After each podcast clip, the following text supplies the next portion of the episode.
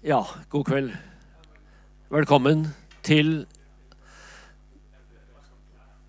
denne kvelden med altså Dag Hareide. Og velkommen til Dag Hareide.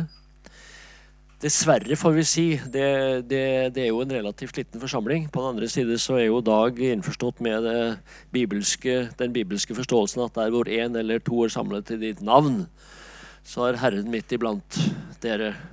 Så vi skal ikke bekymre oss over, over det. Grunnen til at det kanskje er få, da, eller at det er få, det er rett og slett iallfall en del ligger i det store klimatoppmøtet som Adressa har kjørt helsides annonser for i flere uker. Jeg tror at det er et dørgende kjedelig møte i forhold til det her. Jeg ser ikke for meg noe sånn Greta Thunberg-stemning der. Uh, mens her derimot så skal vi altså ta opp noe langt mer ja, skal vi si grensesprengende. Um, og det skal vi si litt mer om. Men altså først, de har fått med dere altså nødutganger og toalett. har de fått med dere. Vi kommer til å holde på her, altså Dag kommer til å holde på ca. en time. Og så tror jeg jeg tar en sjefsavgjørelse på det nå, at vi sløyfer pausen det såpass oversiktlig og så få her at vi går rett over på samtalen. Så kan de da heller gå og kjøpe ting her litt underveis hvis de går litt stille og, og forsiktig. Så blir det her liksom, litt sånn intimt og, og, og koselig. Ok. Dag har kalt det her foredraget for Du får begynne å komme opp her nå da, og så stille det til her, sånn at folk får se det her. Han røver ellers ganske godt i terrenget. Eh, livet i framtidskroppen. Nå snakka vi litt om det her, hvor dekkende den overskrifta er, fordi at det skal vel etter hvert komme til å handle minst like mye om tid. Men eh, i programbeskrivelsene så står det når maskiner overtar arbeid og avgjørelser, og menneskets kropp og sinn blir mer koblet på maskiner, hva er da forskjellen på menneske og maskin? Og hvordan vil vi da oppleve tiden, det stoffet livet lever i? Um, så skal jeg si om Dag at han de siste åra Det er jo beundringsverdig altså, av en mann i fremskreden alder. Han reiser kloden rundt altså besøker de, disse spisskompetente miljøene innafor det her. Og det handler om bio, robot, info og nevroteknologi. Så han er veldig inne i det her. Eh, likevel så er det altså tid som på en måte blir eh, hovedfaktoren i kveld. Og teknologi knytta inn imot det. Dag Hareide er jo et kjent navn. Han har vært rektor ved Nansen-skolen det dukker stadig vekk opp tidligere studenter og elever der, senest inne i kantina her. Eh, du har altså vært leder av Regnskogsfondet, og jeg husker jo veldig godt at du var generalsekretær i Naturvernforbundet og på toppen Kirkens Bymisjon. Det er en såkalt multiaktivist. Eh, ja, og så har han skrevet flere bøker da, som vi kan nevne her. Eh, det gode Norge konfliktmegling, hva er humanisme? Og han er intet mindre en ridder av Sankt Olavs orden første klasse for sitt ekstraordinære samfunnsengasjement, som det heter. Der har vi det. Før Ja, klapp. Bare klapp. Det er veldig hyggelig å klappe. Det var bare at jeg tenkte å smette inn her en liten reklame for den serien som det her inngår i. Og det er det jo ikke alle som vet i, vi har nemlig f.eks. Audun Myssa her eh, nylig. Og den, den, menigheten der, det var nesten ingen som visste at det her inngår i en serie som heter 'For hva er da et menneske?' Og det foredraget til Dag passer jo veldig godt inn i den. Det som skal skje i den serien utover våren Jeg vil reklamere litt for det. Tirsdag neste uke så kommer Kari Weiteberg, biskop i Oslo. Og vi skal snakke sammen om 'Hvem er den andre?' Og dagen etterpå, onsdag, så kommer Frode Tuen, kjent fra Dagbladets spalter, og Bent Sofus Tranøy og skal snakke om harde fakta om livet, døden og kjærligheten. Og så kommer Gro Nylander, lege, ammeemissær, men også litterat, og skal snakke om at menneskets hjerte forandres aldeles intet, ifra Sigrid Undset. Så kommer Aksel Tjora, kjent i Trondheim, og skal snakke om det truede fellesskapet i en digital verden. Beslekta kanskje med kveldens tema. Og fredag 7. juni så kommer Jan Grue, kjent nå nominert til diverse priser, og skal samsnakke med Arne Johan Vetlesen om 'Det var en gang et menneske'. Det vil nok også tematisk være litt sånn i, i beslekta med i, i kveld. Men da er det ordet ditt, Dag, og du er, er som sagt Du er klar. Du er klar. Fint. Vær så god. Ja, fint. Uh, jeg, jeg, skal snakke om uh, den gode tid. Og det, for meg begynte dette her uh, på midten av 90-tallet, da jeg hadde slutta i en litt sånn ansvarsfull og travel jobb. Og Så fikk jeg da tid til å ringe rundt til eh, mine venner og så spurte jeg åssen står det til. Og så svarte nesten alle jo da, vi har det ålreit, men vi har så dårlig tid. Så begynte jeg å tenke dårlig tid? Hva er det for noe? Liksom, dårlig mage, det vet jeg om. Dårlig rygg, dårlig ånde. Men liksom, er det ny epidemi, dette her? Liksom, med dårlig tid. Og Samtidig leste jeg om en som het Sonam Wangchuk, som kom fra langt oppe i Himalaya og havnet i, i fra et fattig område og havnet i rike Sverige. Og så gikk han rundt og så på alle disse fantastiske maskinene. ikke sant? TV og T-bane og motorsag og vaskemaskin og alle disse tingene som sparte tid. Men etter å ha vært der en, en uke sånt, så ble han veldig forundret. Men hvorfor har dere så lite tid da? Første tankekors har vi for mange ting og for lite tid. Og en ting som vi har mer enn nok av. Benny Andersen han sier jeg har tolv klokker i huset, likevel strekker ikke tiden til.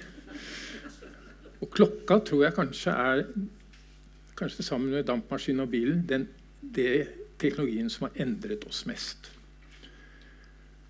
Fordi Dette fikk meg til å tenke meg om, da, fordi jeg hadde jo egentlig slutta i denne jobben litt fordi jeg fikk dårlig tid. Altså Jeg hadde lite tid, men av og til kunne denne dårlige tiden eh, altså den lille tiden kunne bli til en dårlig tid. Og så oppsummerte jeg det i fire-fem punkter.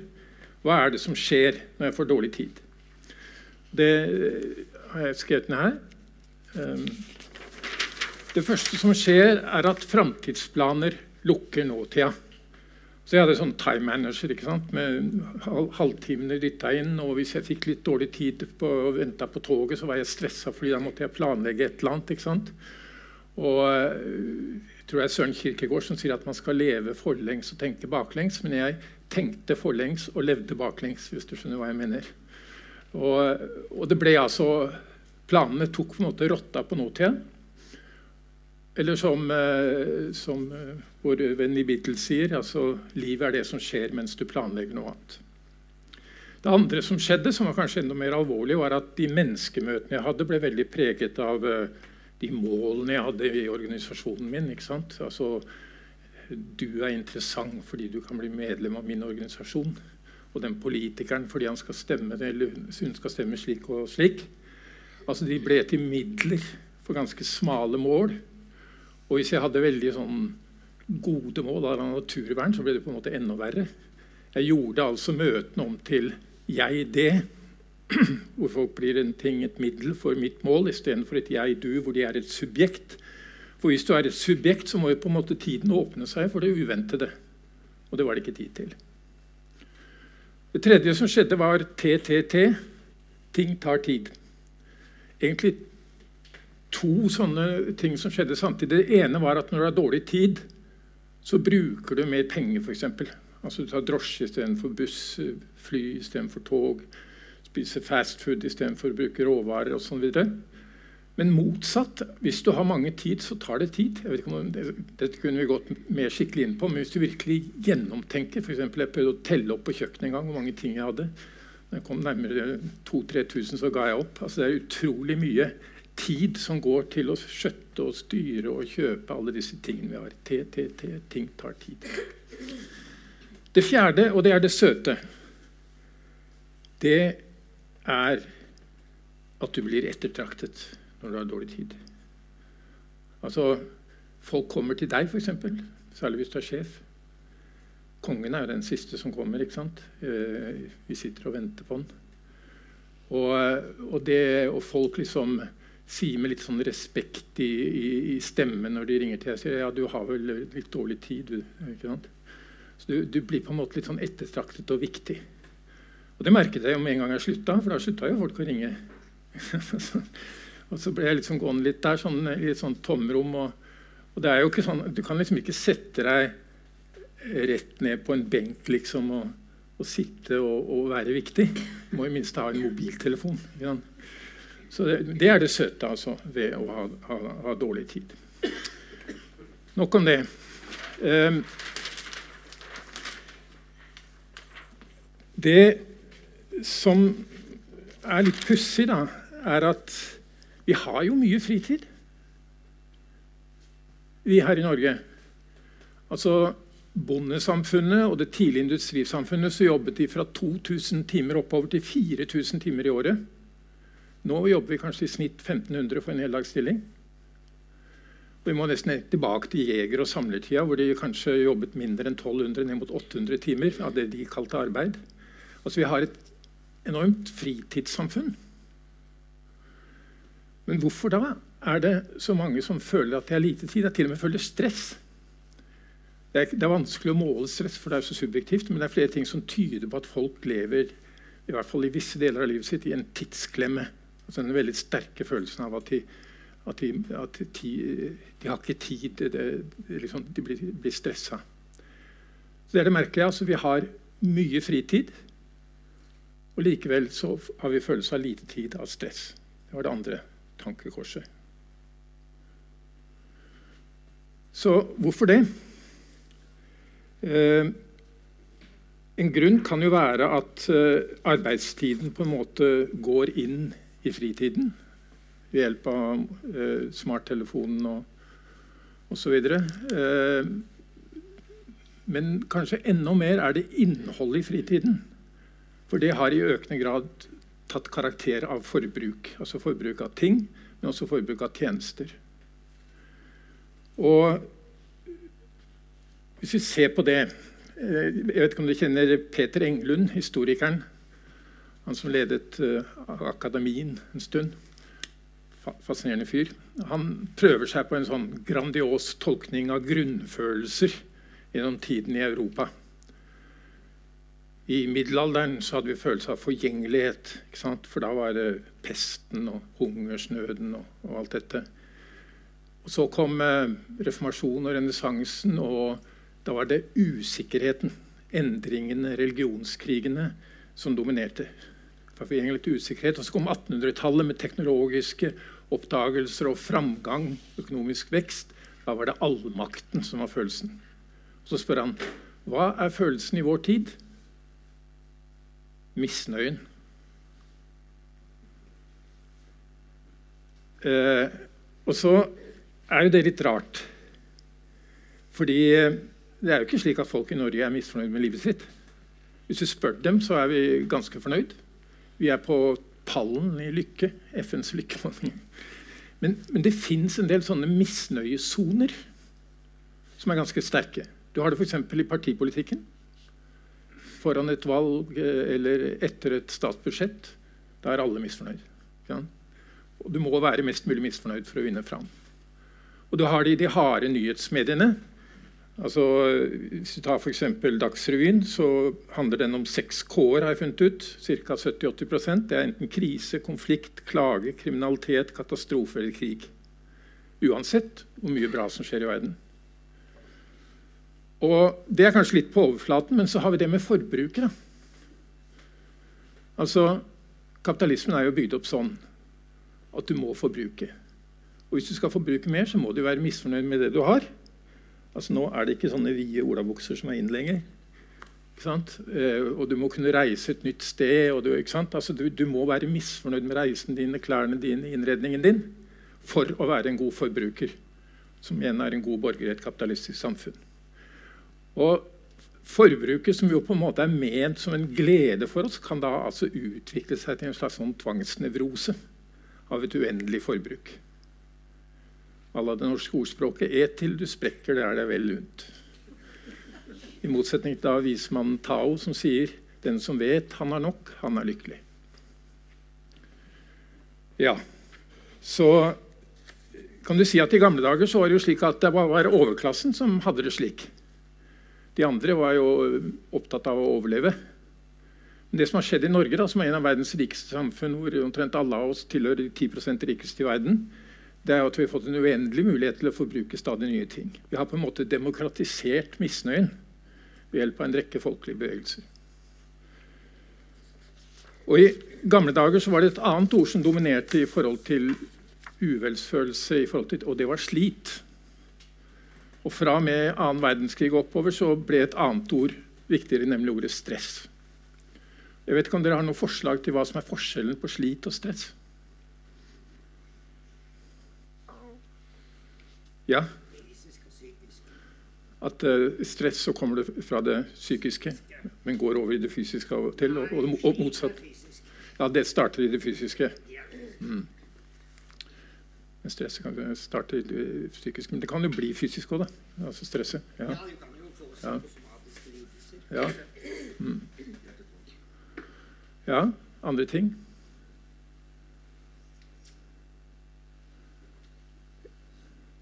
Jeg tenker at, at handler, Stress handler mye om det vi ikke får gjort. Okay? Mens slit handler om det vi, vi har gjort.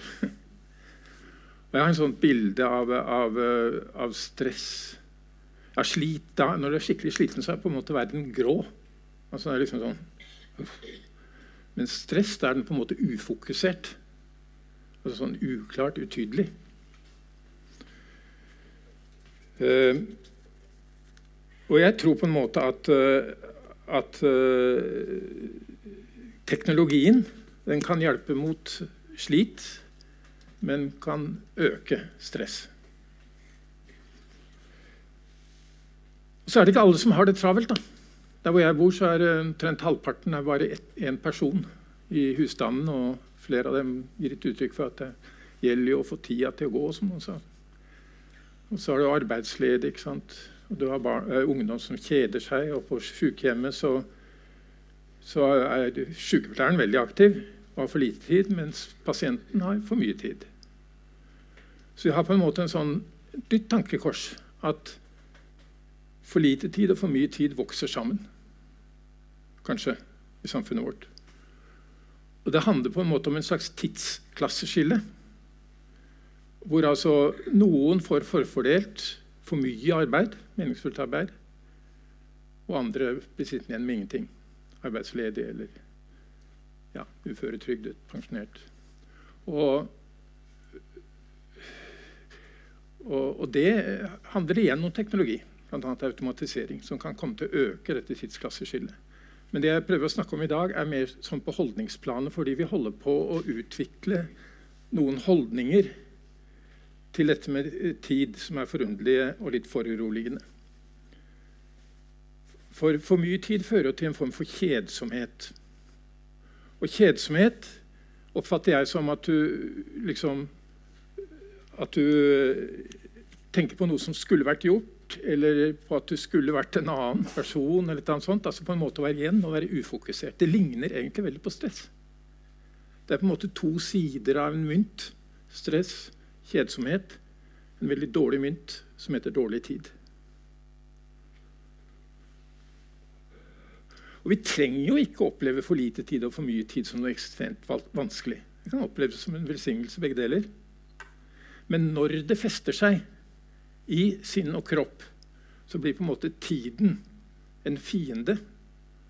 Og tiden er det som livet er laget av. Og Jeg har reist en del i landsbygda på Afrika, i jungelen i Asia og Latin-Amerika, og har gjort en liten sport i å spørre de forskjellige folkeslagene om de, hva, hva med kjedsomhet og hva med stress. Og de skjønner ikke hva jeg spør om. Altså, de fleste har ikke det ordet i språket sitt, så du må liksom omarbeide det. Og jeg tror egentlig kanskje det ikke helt finnes. Og dette er klokkeløse samfunn.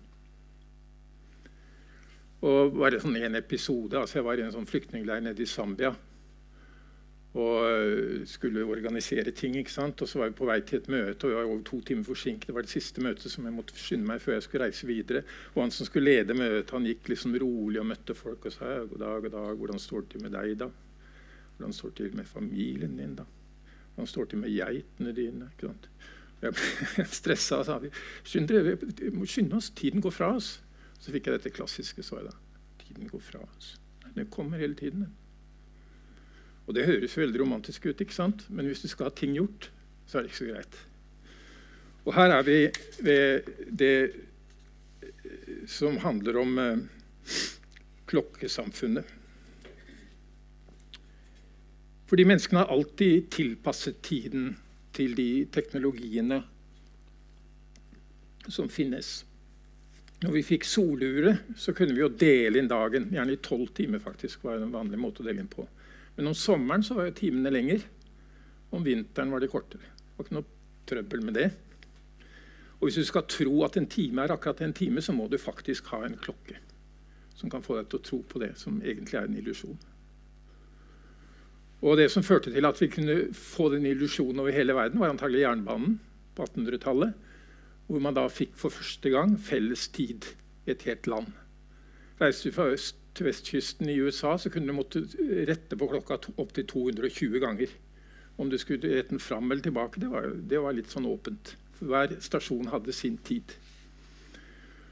Og nå har vi altså fått en tid som altså har gitt oss en illusjonen at én time og all tiden er noe absolutt. Men de siste oppdagelsene innen fysikken smadrer jo den forestillingen om at, at tid er noe absolutt. Altså både eh, Einsteins relativitetsteori og kvantefysikken så er tiden altså i realitetsteorien det er jo en, en dimensjon i rommet. Så De mener da kunne påvise at hvis en klokke står her, så går den altså litt fortere enn hvis den står der. ørlite fortere. Hvis du drar opp i rommet sant, og er borte og opplever det som fem år, så kommer du tilbake, så, så har den som er, er, igjen her, opplevd det som 75 år. Så da kan du bli yngre enn barnebarnet ditt. Ja, sier teorien. Eh, det er jo helt tatt vanskelig å forholde seg til, jeg skjønner det knapt, men derfor har vi jo valgt, som et valg, å gjøre dette til det som styrer oss. Og fordi dette ikke er nøyaktig nok, så har vi da fått atomur, som definerer hva et sekund er. Og et sekund er 9 milliarder 192 millioner 631 770 perioder av den stråling som tilsvarer overgangen mellom to hyperfin-nivåer i grunntilstanden hos atomet cesium-133. Og fordi at disse atomurene, når de har gått i ca. noen hundre tusen år, så vil de være opptil ett sekunds forskjell på dem så må man altså beregne gjennomsnittet for en del atomur for å bli enige om, om hva mye tiden er. Altså Hva slags forestilling er dette? Hva er det vi presser fram her? Vi presser fram en forestilling av tid som noe absolutt utenfor oss. Eller for å sitere en salme av uh, Petter Dass Tid er tid om alle land og øde. Tid er tid om alle mann var døde. Og for det andre at tid kvantifiseres blir nummer, og ikke minst penger. Tid er penger. I bruttonasjonalproduktet så måles vår tid som penger. Arbeidstid. Og denne mekaniske klokka da, og armbåndsuret det har jo gjennomtrengt Europa først. og det Vi fikk skoler med skoletimer og ringte ut og inn. Og vi fikk eh, arbeidsplasser med samlebånd og stemplingsur. Og bedriftseierne fikk jo da makt og kontroll over arbeidernes tid. ikke sant? Og byråkratier med klare tidsfrister og aviser med deadline. Og det, noen vil jo da hevde at denne disiplineringen som skjedde gjennom dette, var det som skapte en slags sånn militær overlegenhet som gjorde at vi kunne kolonisere da som europeere store deler av verden. At det var med på å hjelpe til det. Men nå er det på tide å ta altså disse to grunnbegrepene om tid, som du finner både i gresk eh, filosofi og eh, si gudelære, og i Nytestamentet Kronos og Kairos. Kronos er klokketiden. Det er den som oppfattes som utenfor livet vårt, absolutt, og som kan telles. Kairos er tiden som er en del av livet vårt. Det er den subjektive tiden, sånn som vi opplever den. Det kan av og til være overveldende, som i en forelskelse eller i en naturopplevelse eller en, eh, et samleie eller en sorg eller en eh, ja, religiøs åpenbaring. Det kan være liksom blodig alvor, det kan være glede, eller det kan være intens lengting. Men det er altså tid som plutselig blir veldig viktig for oss. Tid og liv som ett.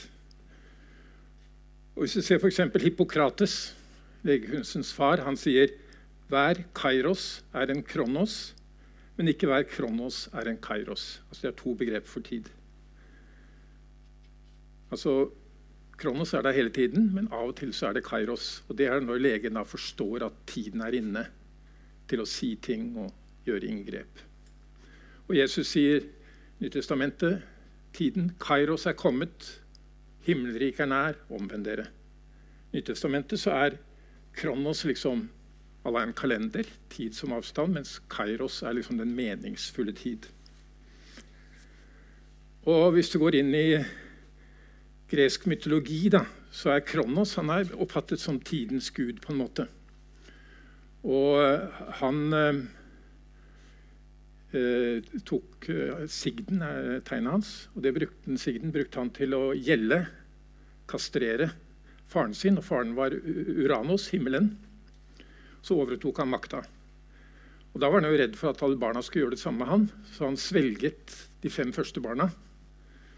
Eh, mens det sjette barnet ble satt vekk av kona hans, Rea, og det var eh, Sevs. Altså, og når Zeus ble voksen, tok han og kastrerte faren sin. og Overtok makta, og det ble tiden for de olympiske guder. Og den varer vel nå, for nå kan du vinne i olympiaden med en hundredels sekund. Så dette er liksom mytologien som på en måte illustrerer noe av Kronos. da. Eh, så forteller jo ikke dette noe sannhet om hva tiden er. Men det er en måte som vi prøver å begripe den på, og dette gir for meg mening. Det er to måter som jeg forholder meg til tiden på. Mens f.eks. Eh, Augustin, kirkefaderen, han sier 'Hva er tid?' Hvis ingen spør meg, så vet jeg det. Men hvis noen spør meg, så vet jeg det ikke. og så han Carlos eh, Rovelli, veldig spennende fysiker fra Italia.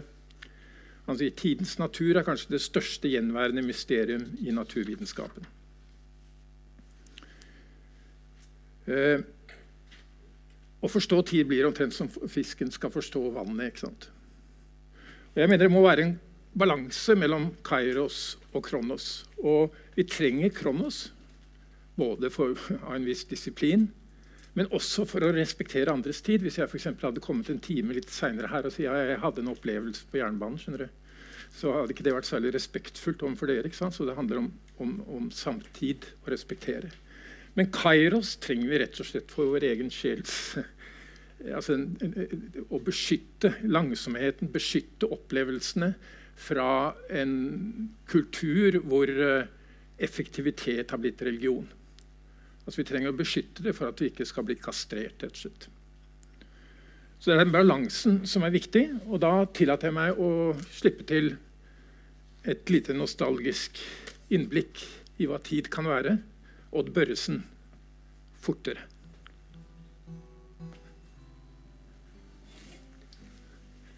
Alt går så fort i våre dager. Ikke bare tiden. Ikke bare flyet til Amerika, biler, tog og båt.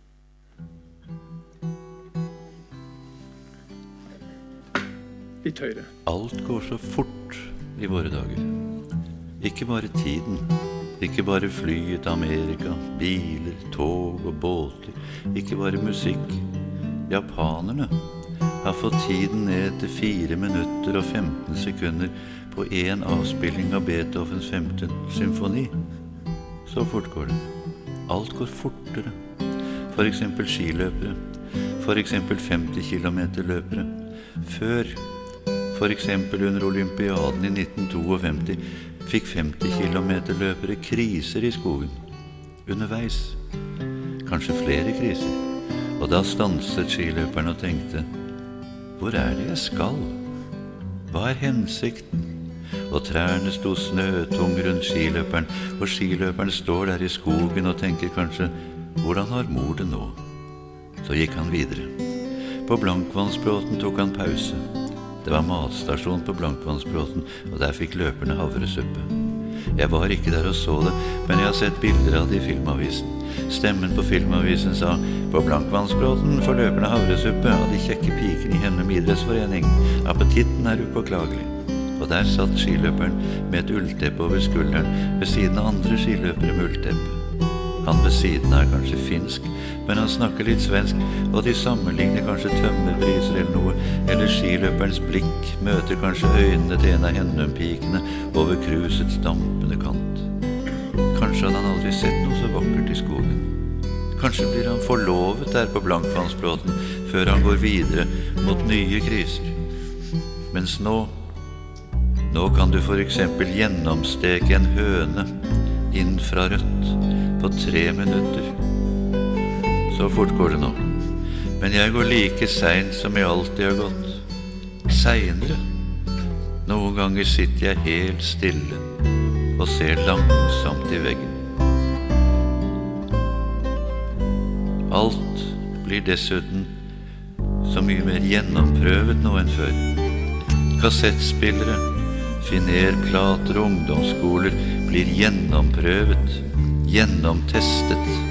Det samme gjelder skiløpere. De tester urin, naturligvis. Dessuten har de psykiatere som tester forskjellig slags smøring, og en meteorolog på løypas høyeste punkt og en meteorolog på løypas laveste punkt med walkietalkie. Dette er Skogtroll 2. Agathe strikker selvbumønster. De snakker i kode, sånn at svenskene og finnene og italienerne og de ikke skal forstå hvor kaldt det er, sånn at de kan spare meteorologer og kjøpe flere psykiatere og mer smøring. Dessuten tester de blodet.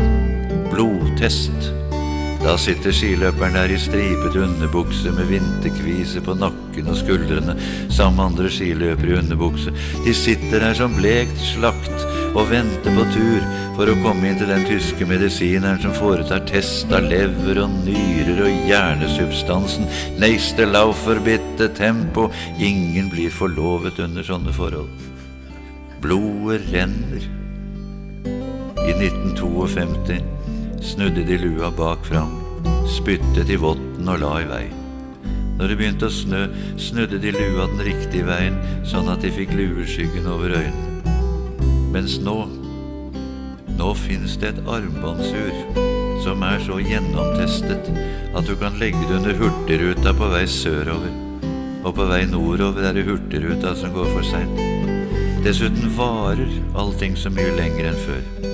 Kassettspillere ungdomsskoler, bilbatterier og finerplater og de fleste andre ting kan ligge i kokende vann i 48 timer uten vedlikehold eller tilføring av væske, og de varer evig. Så lenge varer de. Evigvarende. Det er lenge, det.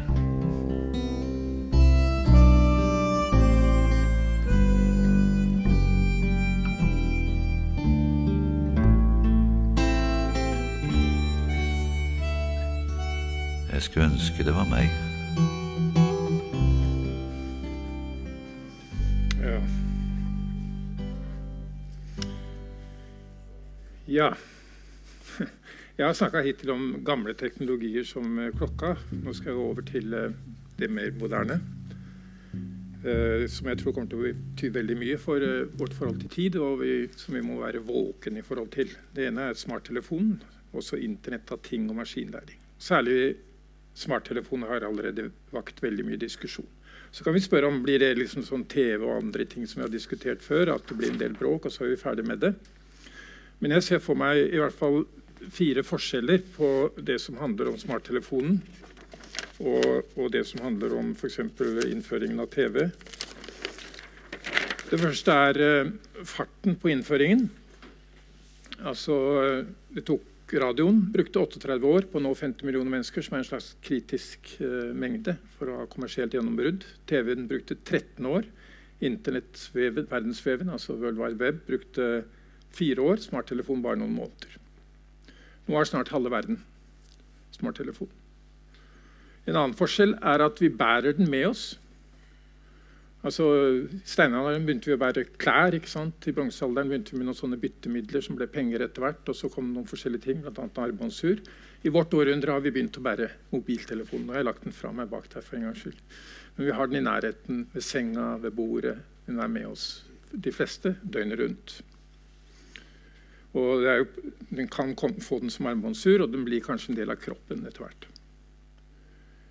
Uh, under presentasjonen av det som regnes som smarttelefonens kommersielle gjennombrudd, så holdt Steve Jobs den opp og sa iPhone er som å ha livet ditt i lomma. Og jeg reagerte litt sånn Ha livet mitt i lomma? Jeg ville heller ha livet mitt i kroppen. eller sinnet mitt. eller noe Men faktisk var det en ganske god beskrivelse av hva som skjedde. For smarttelefonen den inneholder jo altså på en måte alt.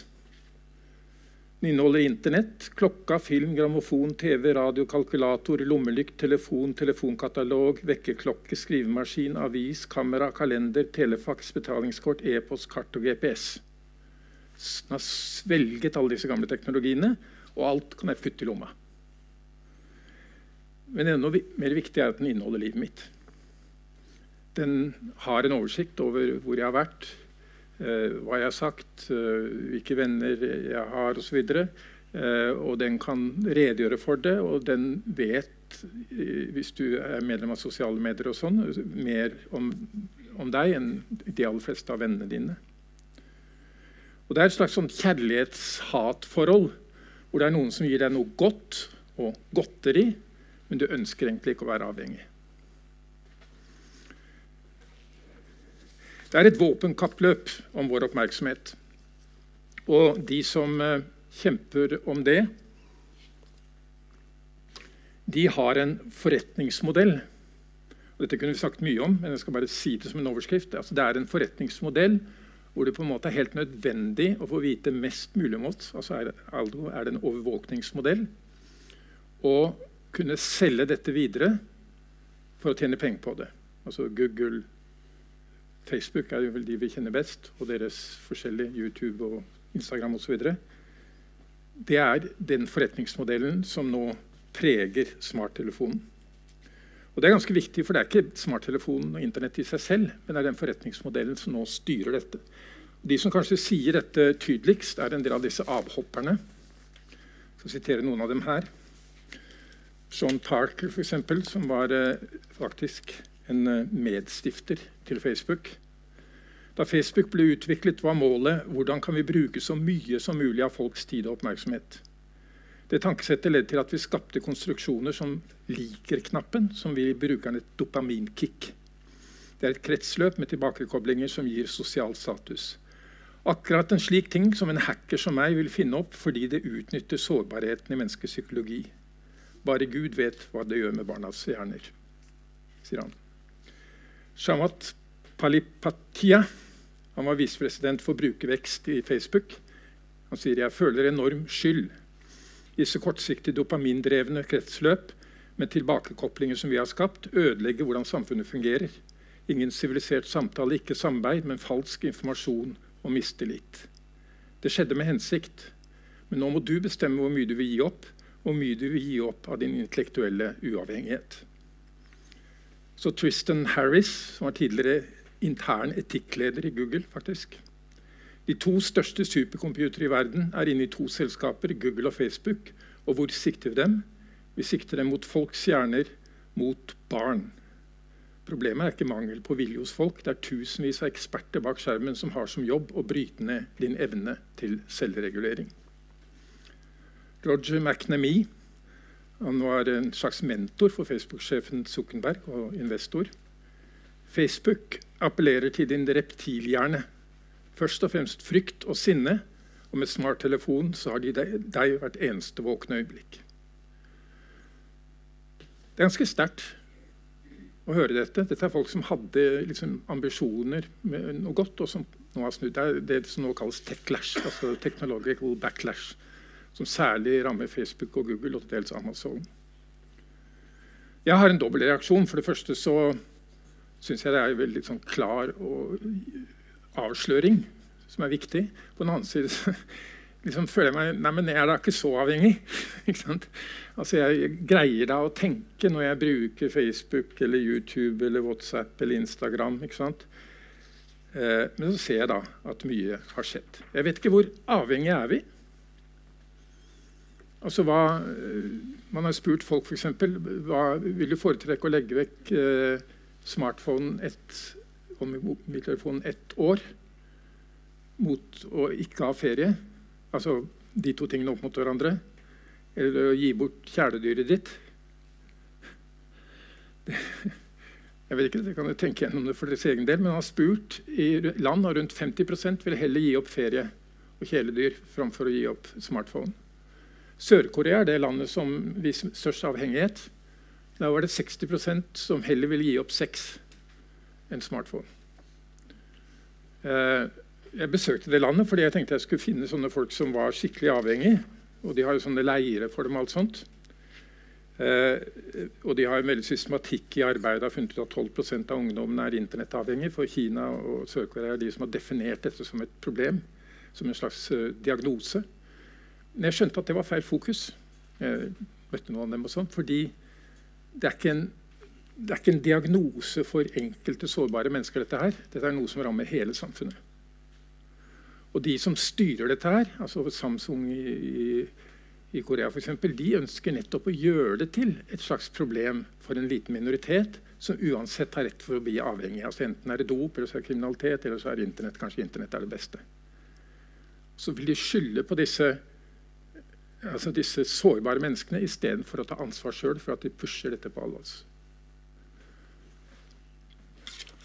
Eh, så skal jeg ikke gå inn, altså Vi bruker jo mye tid på dette. her. Det er snakk om at vi gjennomsnitt toucher, åpner eh, smartphone 150 ganger i løpet av en dag.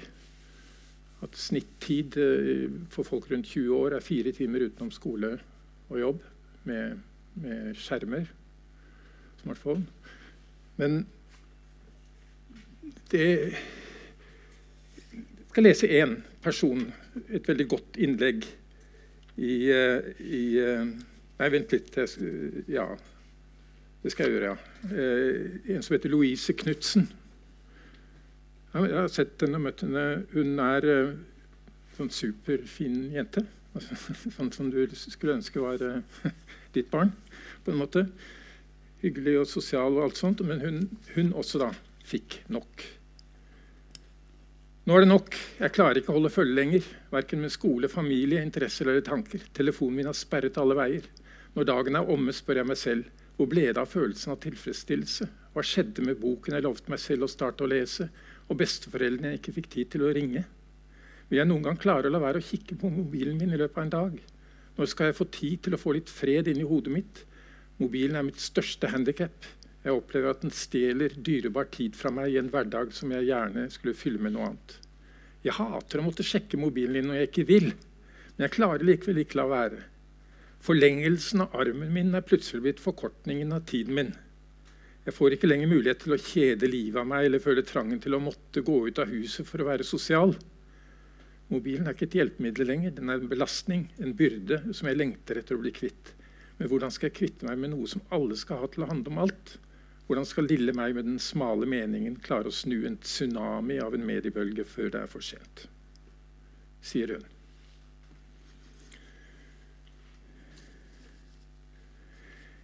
Ja, det er naturlig å være opptatt av ungdom, for de er jo født mellom alle disse skjermene. Jeg har en sånn pre-internetthjerne, så jeg kan liksom koble litt sånn inn og ut. De fleste her ser jeg har pre-internett-hjerner. så vi er kanskje i en litt annen situasjon. Og Det er ganske interessant at uh, toppene i Silicon Valley, f.eks.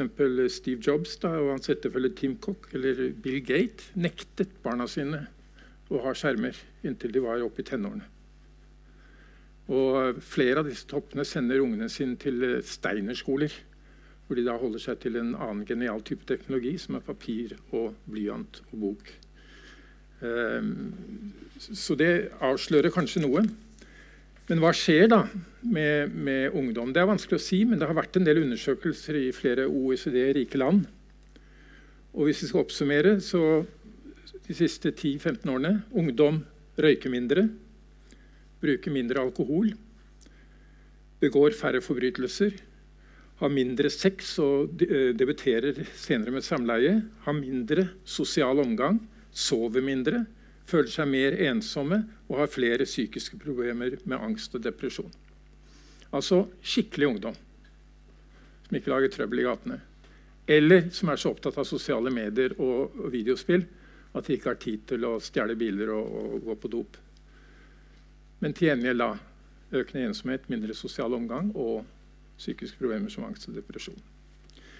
Hvis vi ser på ungdata i, i, Norge, så er det ikke så kraftige endringer som du f.eks. kan se i USA, hvor man enkelte målinger viser opptil 40 økning i angst og depresjon i løpet av en kort tid. Mindre enn ti år. Uh, men du har f.eks. uh, du ser tendensene på alle de områdene, men det er særlig ett område som er litt dramatisk, og det er sosial kontakt med andre ungdommer. Markant ned både med å invitere folk hjem til seg eller å være ute sammen. Det er kanskje det mest markante som jeg ser når det gjelder norske undersøkelser. Men så er det ikke sikkert at dette har noe med mobil- eller smarttelefon å gjøre. ikke sant? Altså, det kan være andre ting. Så vi har på en måte ikke greid å komme à jour i forhold til forskningen virkelig og skille ut de forskjellige variablene her. Så har man gjort andre typer undersøkelser hvor man ser på hvem er det som bruker masse skjermtid, og hva fører det til. Og Da er det ganske tydelige tendenser. altså at De som bruker mye skjermtid, de blir lettere distrahert, husker dårligere, går dårligere på skolen.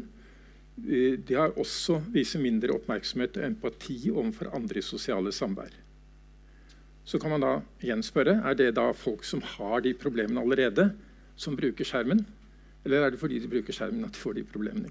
Så vi sliter med å se hva som faktisk ser, skjer, samtidig som vi har et eksperiment gående med over en milliard barn og unge i verden for første gang.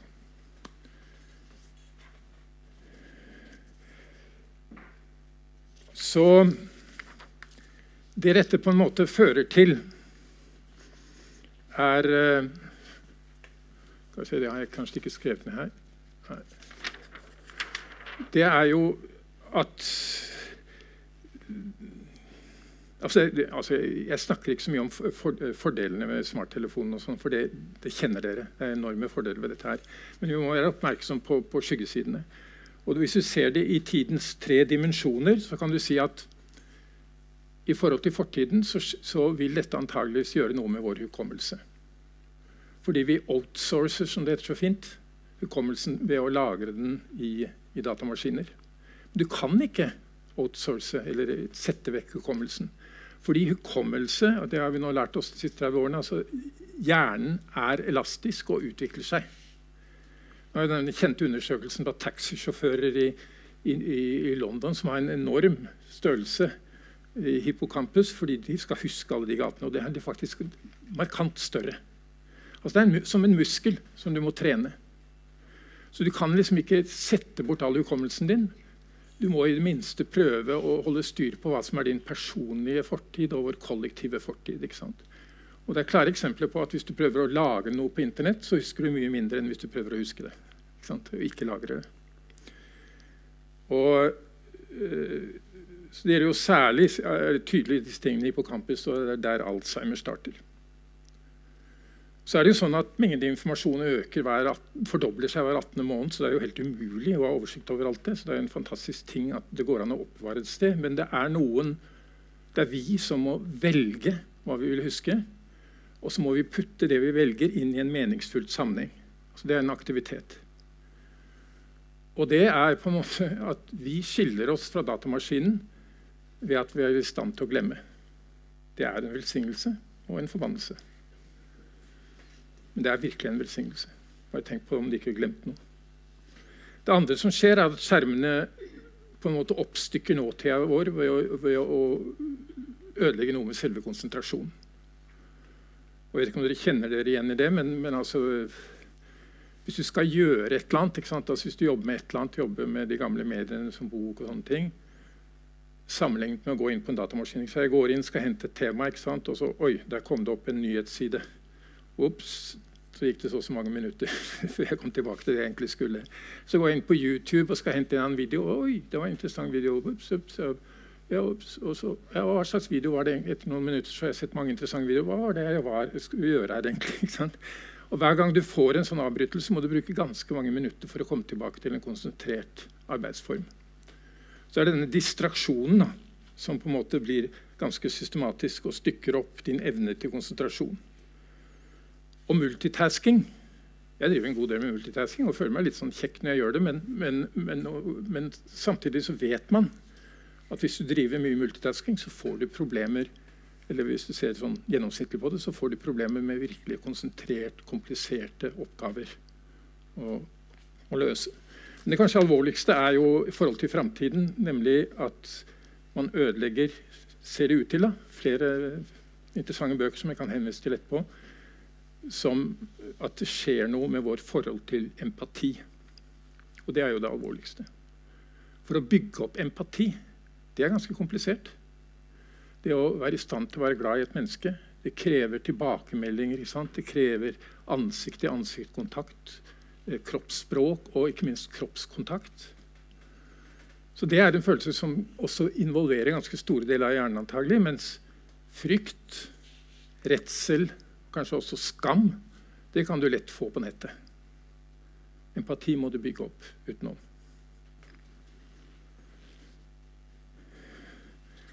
Um, det er kanskje særlig ett sånt område som jeg syns er interessant som en sånn tidsendring. Og det er disse ventetidene vi har.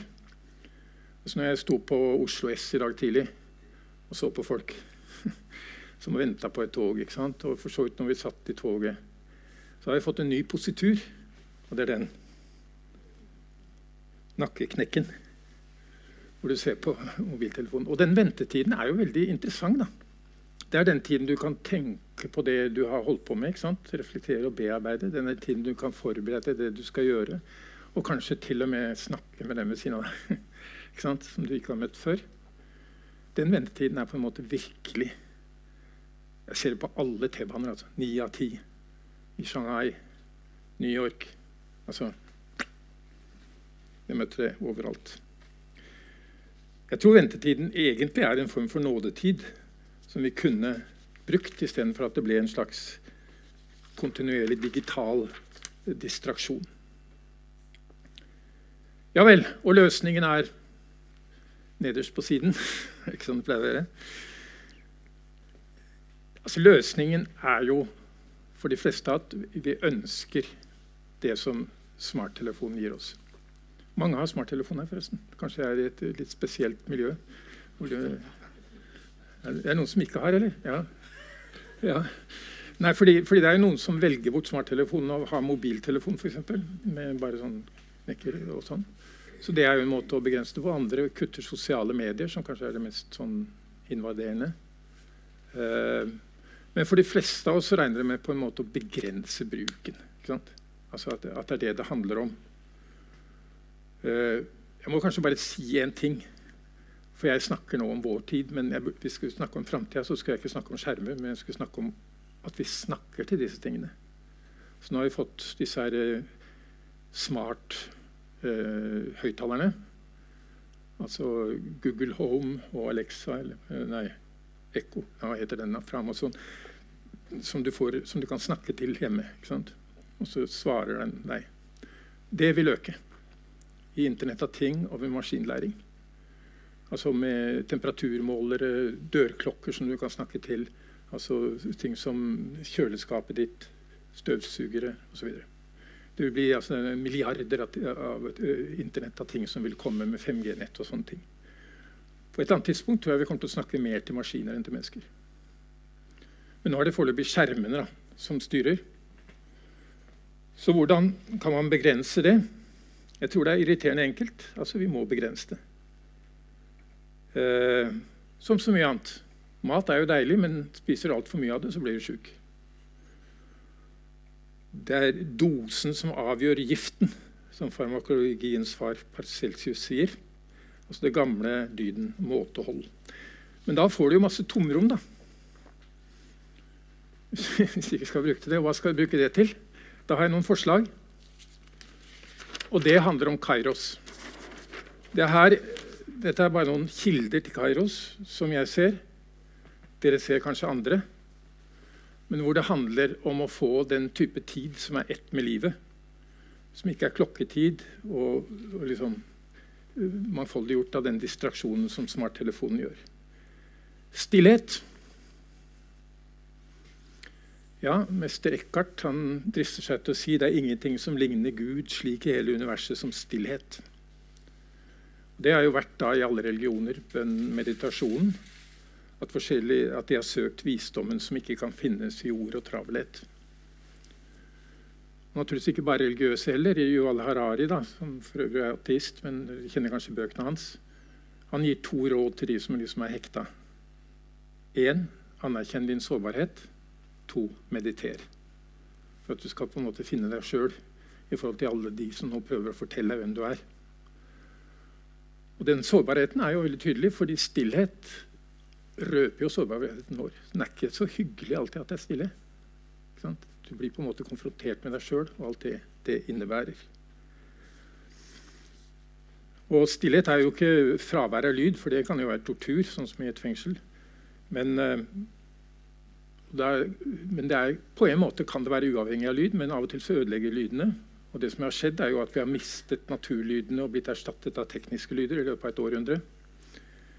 Derfor er det jo fint mange av oss som følger Hans Børli, et lite dikt av han. Det er rart med stillheten i skogen. Den har aldri fravær av lyd, aldri tom og skremmende, slik den kan bli i lukkede rom. Du hører trærnes mjuke risling i vinden. En korsnebb fløyter sin vemodige tone, og hakkespetten trommelytt på tørrhara. Men summen av det hele er likevel stillhet. En stor ro som kjærtegner trommehinnene mine, og lar deg høre livet brenne i deg som suset av flammene på et lys. Og Det fører over til det neste, som er natur.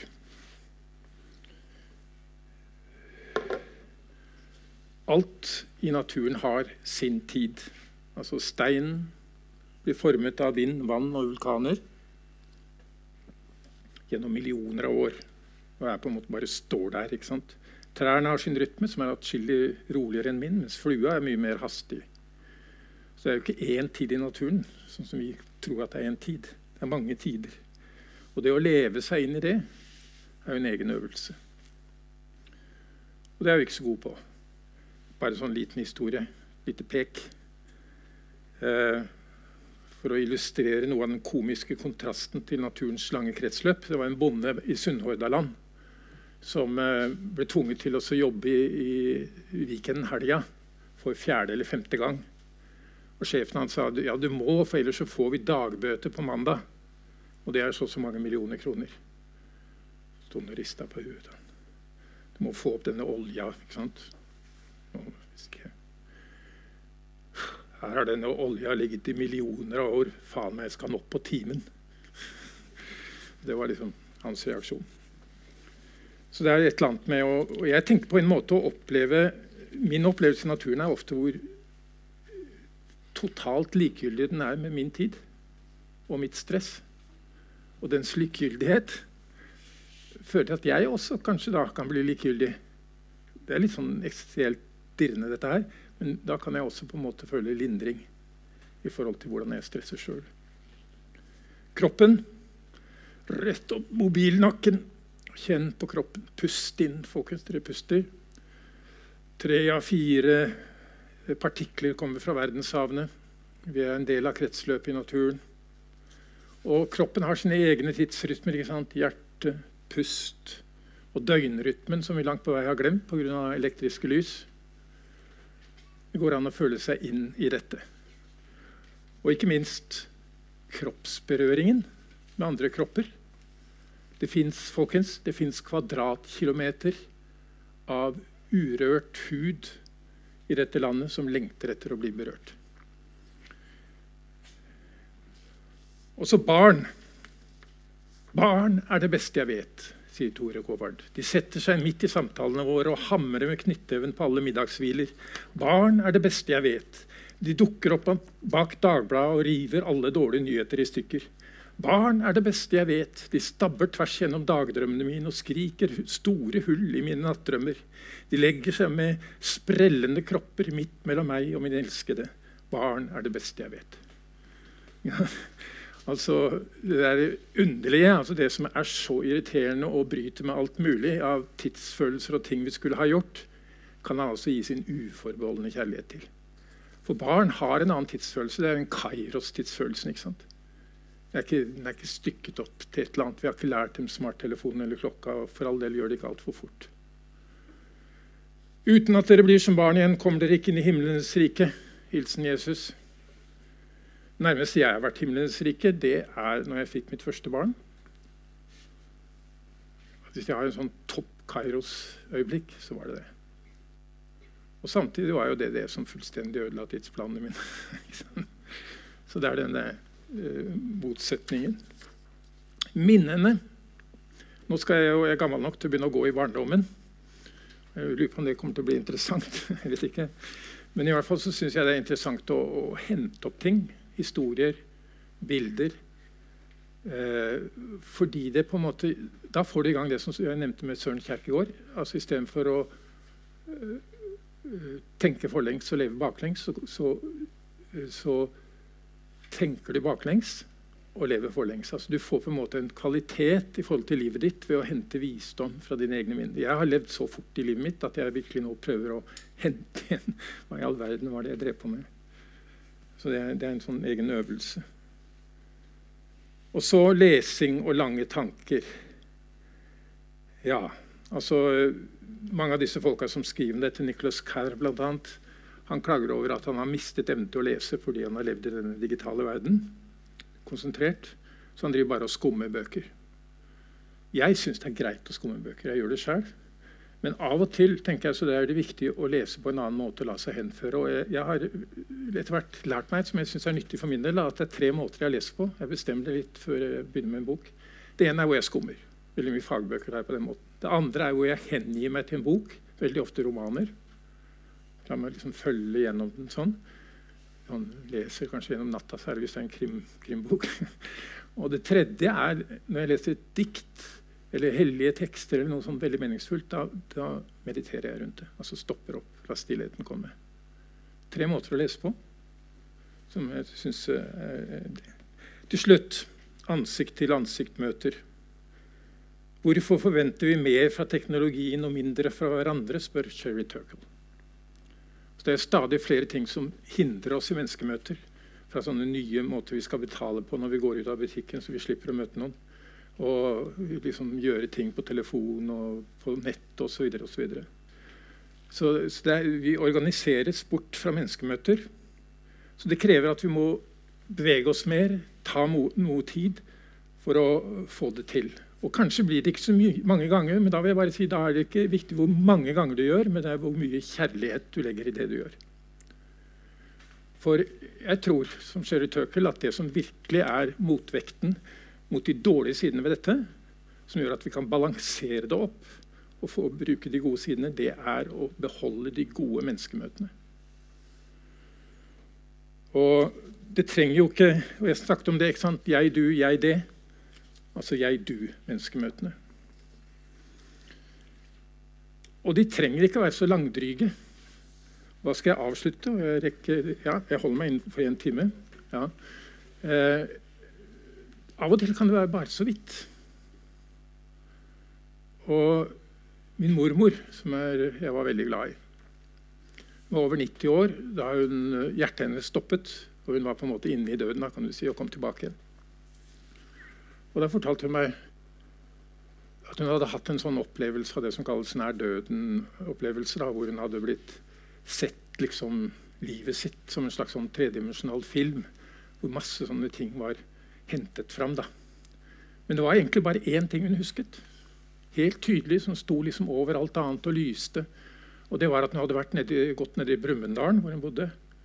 Og så hadde hun møtt en, en, fyr fra bruket der, og han gikk med, med liksom, hånda sånn i et fatle. Sånn, og det så litt sånn vondt ut, syntes mormor. da.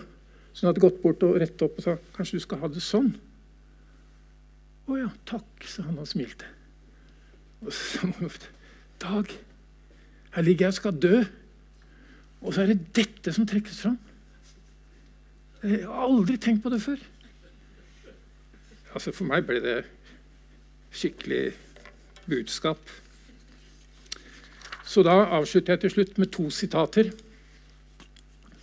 Det første er av Knut Løkstrup. Den enkelte har aldri med et annet menneske å gjøre uten at han holder noe av dets liv i sin hånd. Det kan være meget litt, en forbigående stemning, en opplagthet, som han får til å visne, eller som han utdyper eller hever. Men det kan også være forferdende meget, så det simpelthen står til den enkelte om den andres liv lykkes eller ei. Den enkelte har aldri med et annet menneske å gjøre uten at han holder noe av dets liv i sin hånd. Og så Torkjell Berrelsen til slutt. Det er aldri for sent å få en god start på dagen. Takk.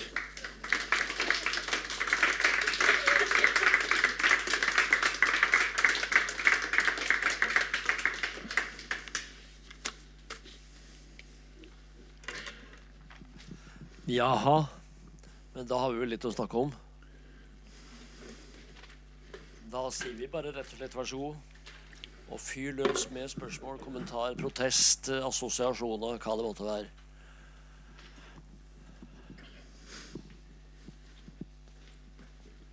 Der har vi første. Han får en mikrofon.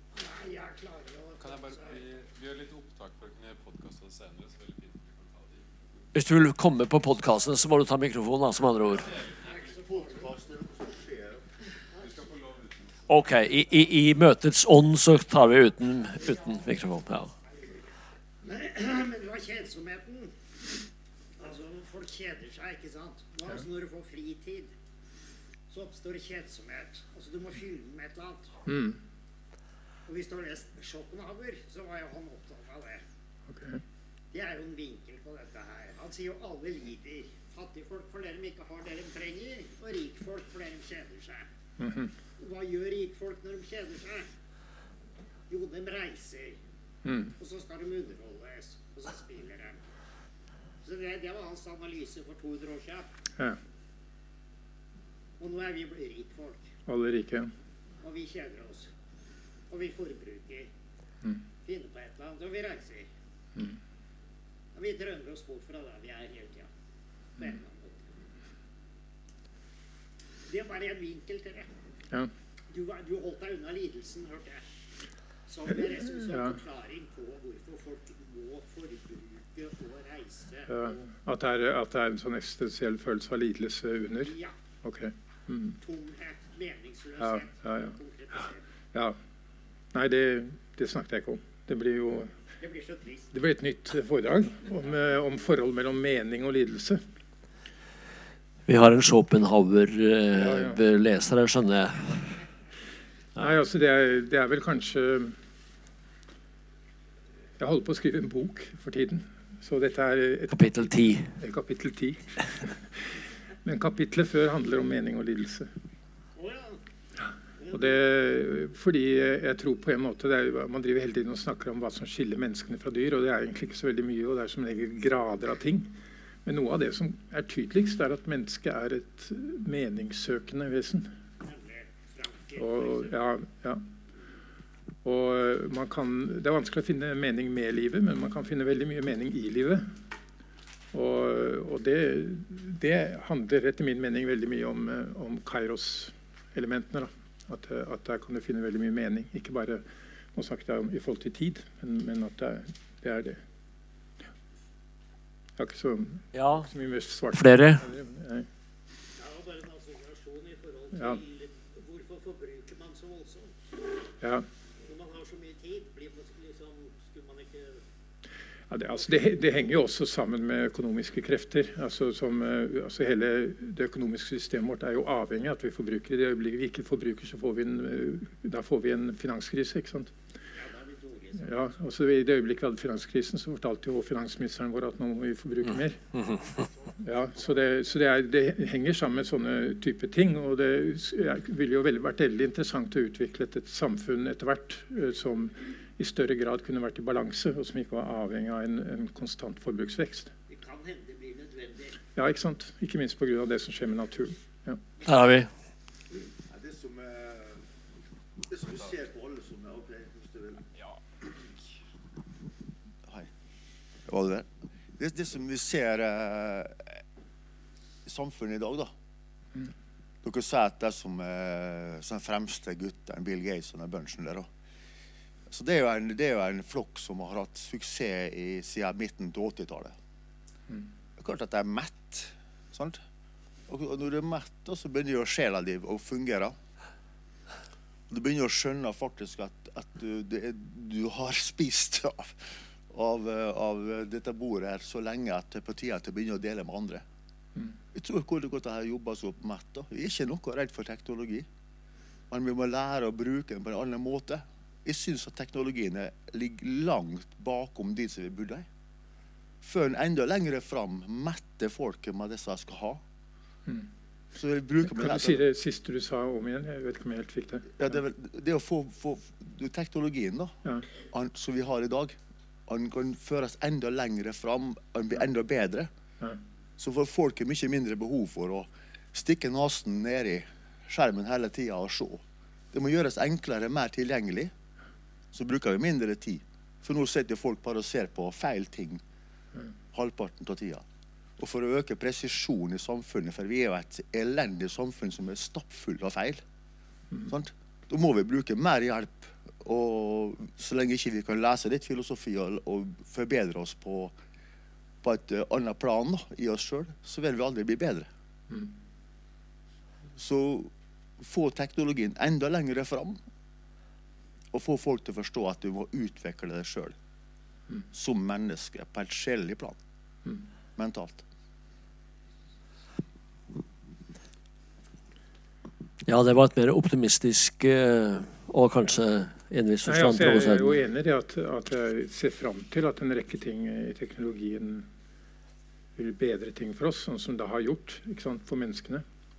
Men, øh, øh, men jeg, jeg snakket jo om den forretningsmodellen som, gjør, øh, som altså på en måte krever at de skal ha, overvåke oss mest mulig.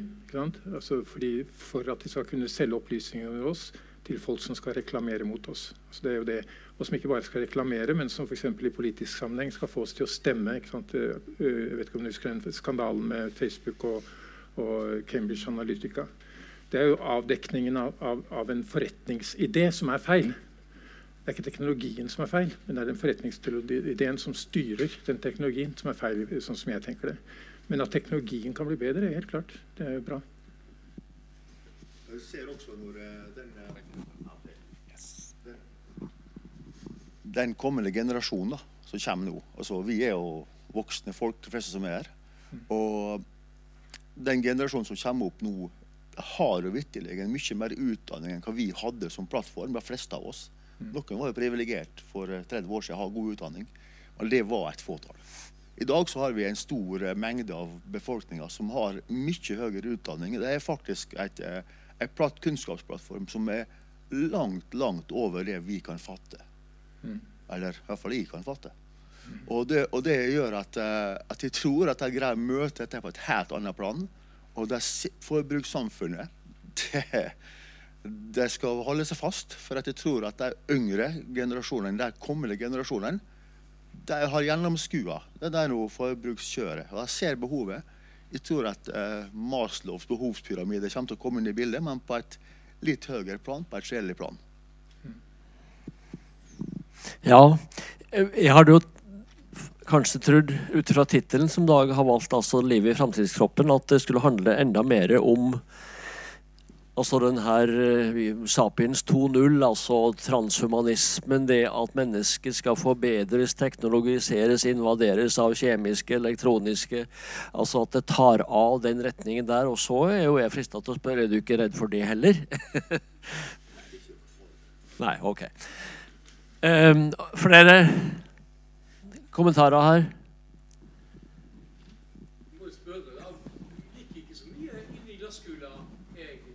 Nei, det gjorde ikke det. Sa noe om historisk utvikling, men så stoppet du. Begynner til et fremtidshåp og sier at vi har jo denne lista di på seks-syv punkter som en sånn påminnelse. Men, men hva vil skje med mennesket fra der hvor vi har kommet i dag og fremover? Er det det du kalte neste kapittel? Eller? Ja, det er et annet kapittel. ja. Um. Fordi når jeg mediterer, Mm. så opplever jeg å koble det ubevisste i meg ja. med kanskje noe bevisst eller noe annet ubevisst, og som blir noe nytt. Og for meg, det, den utviklingen den får jeg ikke tak i når jeg hele tiden forholder meg til det konkrete og til smartphonen og til medietrykket i hele tatt. Vi er nødt til å lukke av for å få det til å skje. Ja. Men det skjer jo selvfølgelig også i lista di hvis du går inn i hver av de. Ja, altså, jeg, jeg- jeg greier ikke å spå så veldig om framtida, men jeg ser for meg en veldig klar kamp mellom eh, det som jeg ønsker med mitt liv, bl.a. god konsentrasjon, god hukommelse, som jeg snakket om, empati og muligheten for disse tingene, og den enorme makten. Altså, ikke, i, I vår historie har det ikke vært så stor økonomisk makt hos noen noen gang som det nå er hos de fem store i Silikon og de tre-fire som kommer opp i Kina. De har i løpet av ti år overtatt og blitt de, de som eh, altså er, De er fem på topp. De, altså Google, Amazon, Microsoft, Apple og Facebook. Er Alibaba og, og Tencent osv. Eh, det har aldri skjedd at jeg har samlet så mye penger på noen hender. Og, og Hør på målene deres. altså Google skal samle all kunnskap i verden. Facebook skal samle alle mennesker i et slags sånn stort nettverk. Amazon skal bli en butikk som selger alt til alle. Altså dette, dette er folk med imperieplaner. Og, og jeg, jeg ser at nå foregår det en kamp både på et personlig plan, ikke å bli invadert av dem, og på et politisk plan å sette grenser for deres makt. Og nå skjer det også i USA. altså EU slåss allerede. Vi ligger litt sånn i skorpa og gjør ikke så mye her i Norge. Eh, men eh, også i USA tas det opp nå som et tema. Det er forskjellige måter man kan gjøre det på. Man kan dele dem opp, man kan eh, sette mye klarere lover. Man kan til og med kanskje kreve at den informasjonen de har, skal overtas av det offentlige. Jeg ønsker for eksempel, altså Nå er det jo Tesla vet mer om, om veisystemet i, i Bærum enn kommunen der. Altså de bygger opp, og Nå prøver de å bygge opp det samme i forhold til helse. Det er jo et annet element her som har med kroppen å gjøre. Altså Apple Watch for eksempel, og andre. Og, og, og det å få makt over vår helseinformasjon, hvem skal ha det? Dette er et maktspørsmål. Det, det, det handler naturligvis om teknologi, men det handler om hvem skal ha kontroll over informasjonen om meg. Og det, det, er vi alle sammen nødt til å ta standpunkt til. Og det er veldig få politikere som er à jour. Dette er noe av grunnen til at jeg gikk inn i det. Jeg så at det skjedde noe. Jeg skjønte ikke hva som skjedde. Jeg fulgte avmakten og bestemte meg for at jeg skulle bruke tre år. Og det er i hvert fall det tydeligste budskapet jeg kommer tilbake til. Vi må ta et oppgjør med den maktkonsentrasjonen. For deres forretningsideer er feil. Det er en ny form for imperialisme som vi ikke trenger. Ja. Helt enkelt. Hvordan foreslår du at stat og kommune og sykehus skal ta over den informasjonsmengda som verdens største elektroniske system har? Altså, skal det bare ta over og Google da? ta over Facebook og ta over? Det av stater? Ja, altså det, altså antag, ja.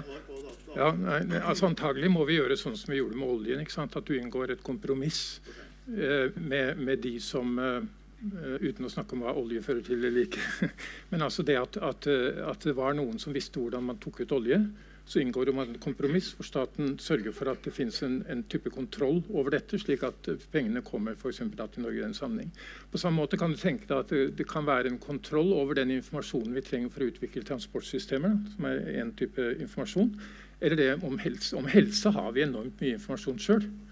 Altså IBM og Google de sitter og, sånn på venterommet og håper å få tak i helseinformasjon i Norge. Og, og sånn som de har grabba helseinformasjonen i, i, England. De ga det bare over til Google. Så, det, så, det, er, så, det, så det foregår akkurat nå. Og hvilke politikere er det som er bevisst på dette? Ingen. Ja. De ga jo bort masse helse- helseinformasjon. De brukte jo indiske ingeniører for å stoppe og forvalte Ja. norsk medisinproduksjon. Det er et bevis på at de er ute av stand til å gjøre Ja.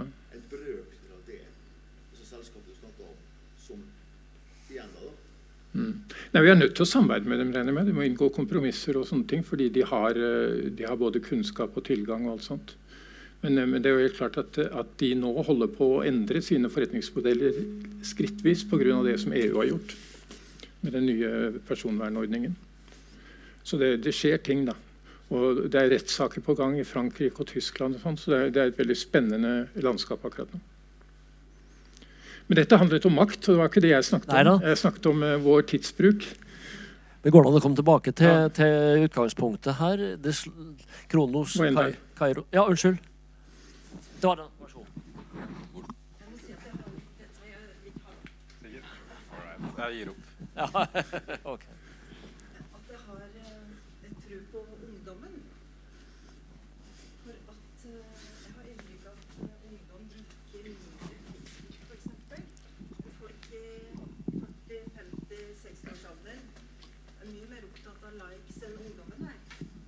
Jeg syns det er så flott med den eh, aksjonen som skjer blant ungdom nå i forhold til miljø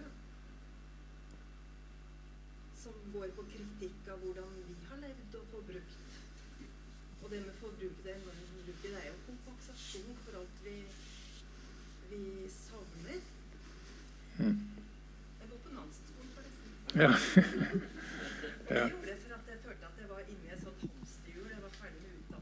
og, Ja. og det var å stå på. Jeg var liksom i et løp som jeg ikke hadde helt kontroll over.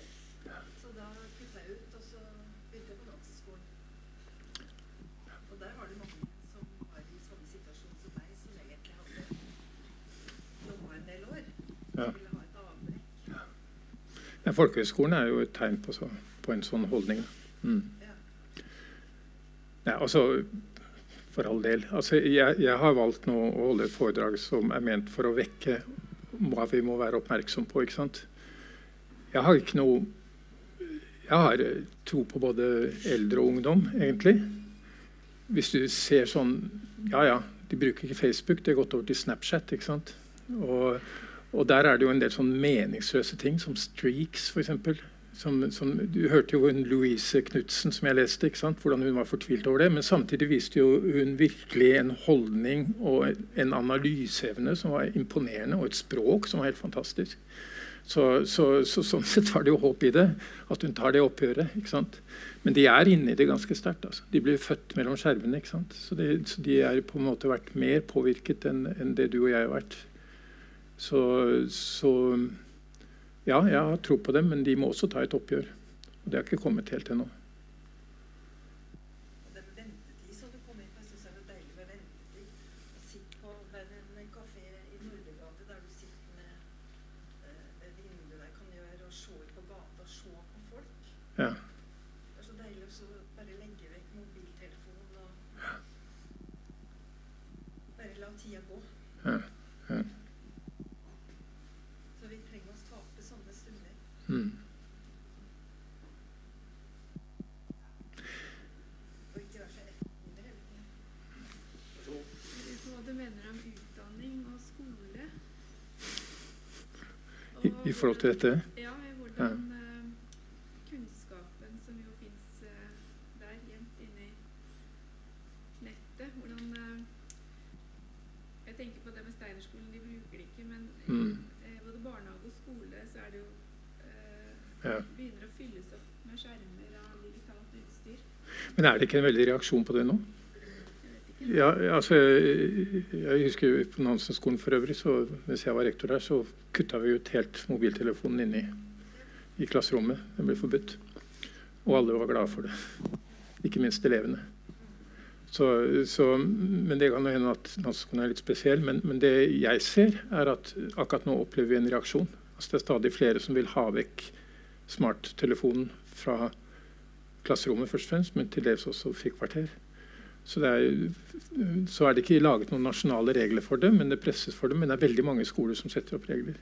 Og det er ganske mye forskning på dette som viser altså at, eh, at eh, det å overlate altså en iPad, f.eks., en smarttelefon, bare legge det på, på øh, studentenes bord, hvor de har mulighet for å, å gå inn på Facebook eller Instagram osv., det ødelegger undervisningen. Det er ganske tydelig hvis det slippes løs. Men samtidig så er det jo noe? Altså For meg å skrive den boka uten å ha tilgang til Internett og, og, og dette her hadde vært bortimot umulig, ville jeg tenkt. ikke sant? Så det, det er denne dobbeltheten. Altså Finne det gode balansen og det gode kompromisset. Men det som jeg ser nå, er at det er en reaksjon. Altså At folk ser at vi må begrense mye mer enn det man trodde. Men er ikke det på en måte en, eh, en litt sånn reaksjonær reaksjon? Fordi at eh, egentlig så kan det jo revolusjonere skolesystemet. At eh, barna trenger kanskje ikke gå på skolen lenger. Hvis det var Ja. sånn at vi faktisk brukte den teknologien som vi har tilgjengelig, og de kunne bruke den. Det er ikke fordi at jeg mener at det det skal være sånn, men jeg bare tenker Ja. at eh, det ligger et slags eh, Ja, virkelig en omveltende eh, Eller hva heter det? Ja, det kan ligge en revolusjon i bruken av, av denne her teknologien som vi jo på en måte stritter imot, men fordi vi ikke vet hva det betyr, og hva det kan bety.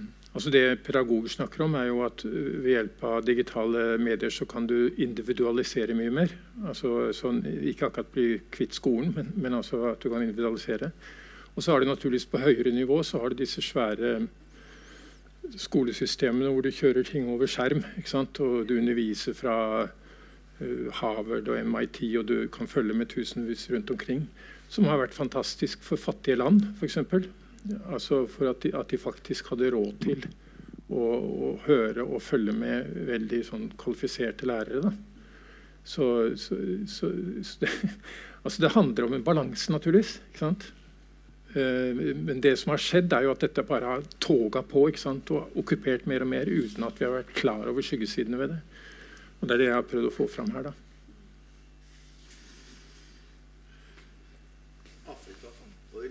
Ja, Denne tidskram og, og sånne ting. Er det samme i Afrika som her? Tenk på skoler, utdanning og hva det måtte være. Har de, har de fått mer tilgang da, der nede på, på grunn av er- Går det bare å sparke med småstein?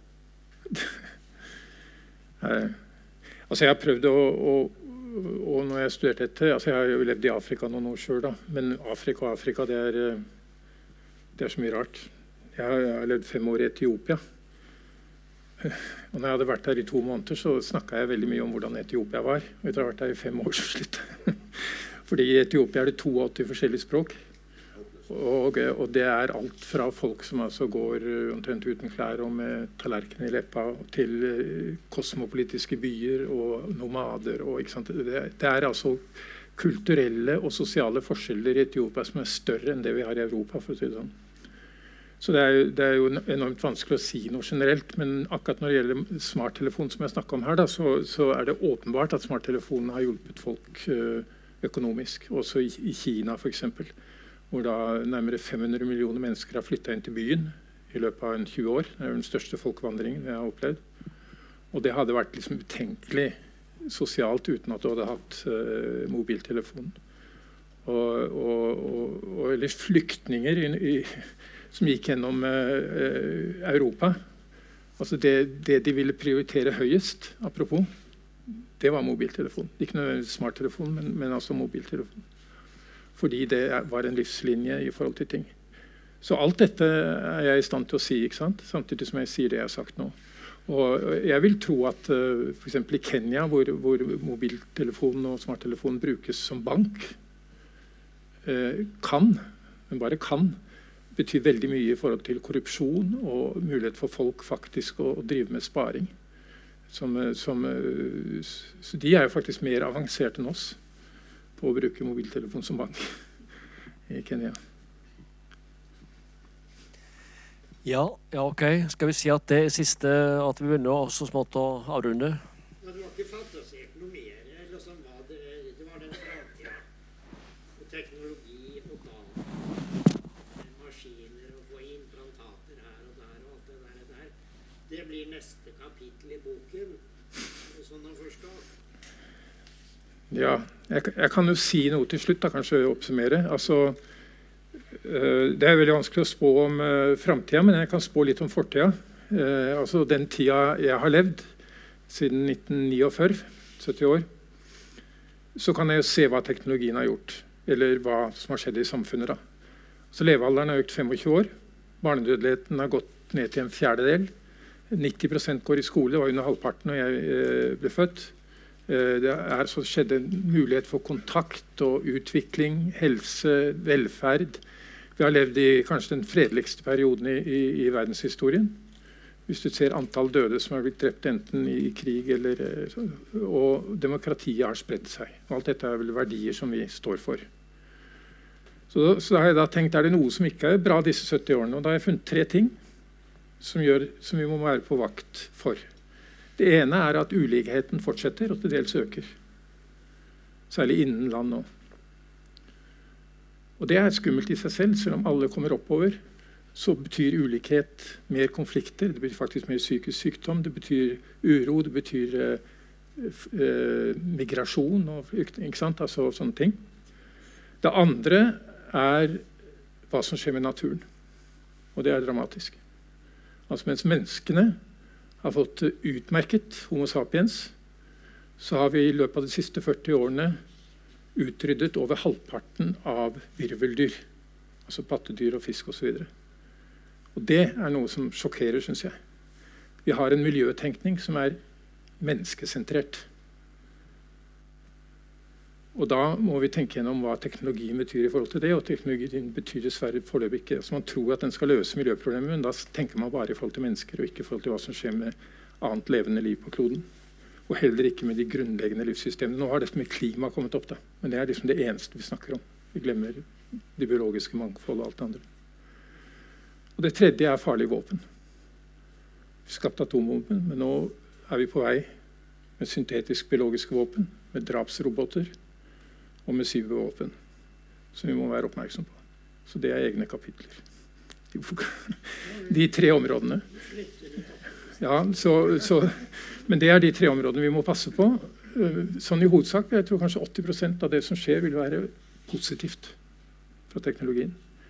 Men de 20% som er negativt, kan bli veldig negativt og vri det hele til noe vanskelig hvis ikke passer på. Hva som skjer med mennesket, det er jo det store spørsmålet. Hvis menneskene, altså om vi skal få en ny type mennesker som transhumanister snakker om. Foreløpig er de mest en religiøs sekt, men eh, dessverre så er f.eks. ledelsen i Google i hovedsak transhumanister. De tenker på menneskene som en slags maskin. De tenker at det er mulig å lade ned hjernen på internett. Og Det er en type tenkning som, som skremmer meg. Fordi de egentlig ikke har en grundig altså De er etter min mening helt ute på viddene eh, vitenskapelig sett. Men, men de har heller ikke en grunnleggende forståelse av hva menneskeverdet er. Så det, det er et annet kapittel. Takk. Det var det siste. Og så klapper vi for uh, Dag.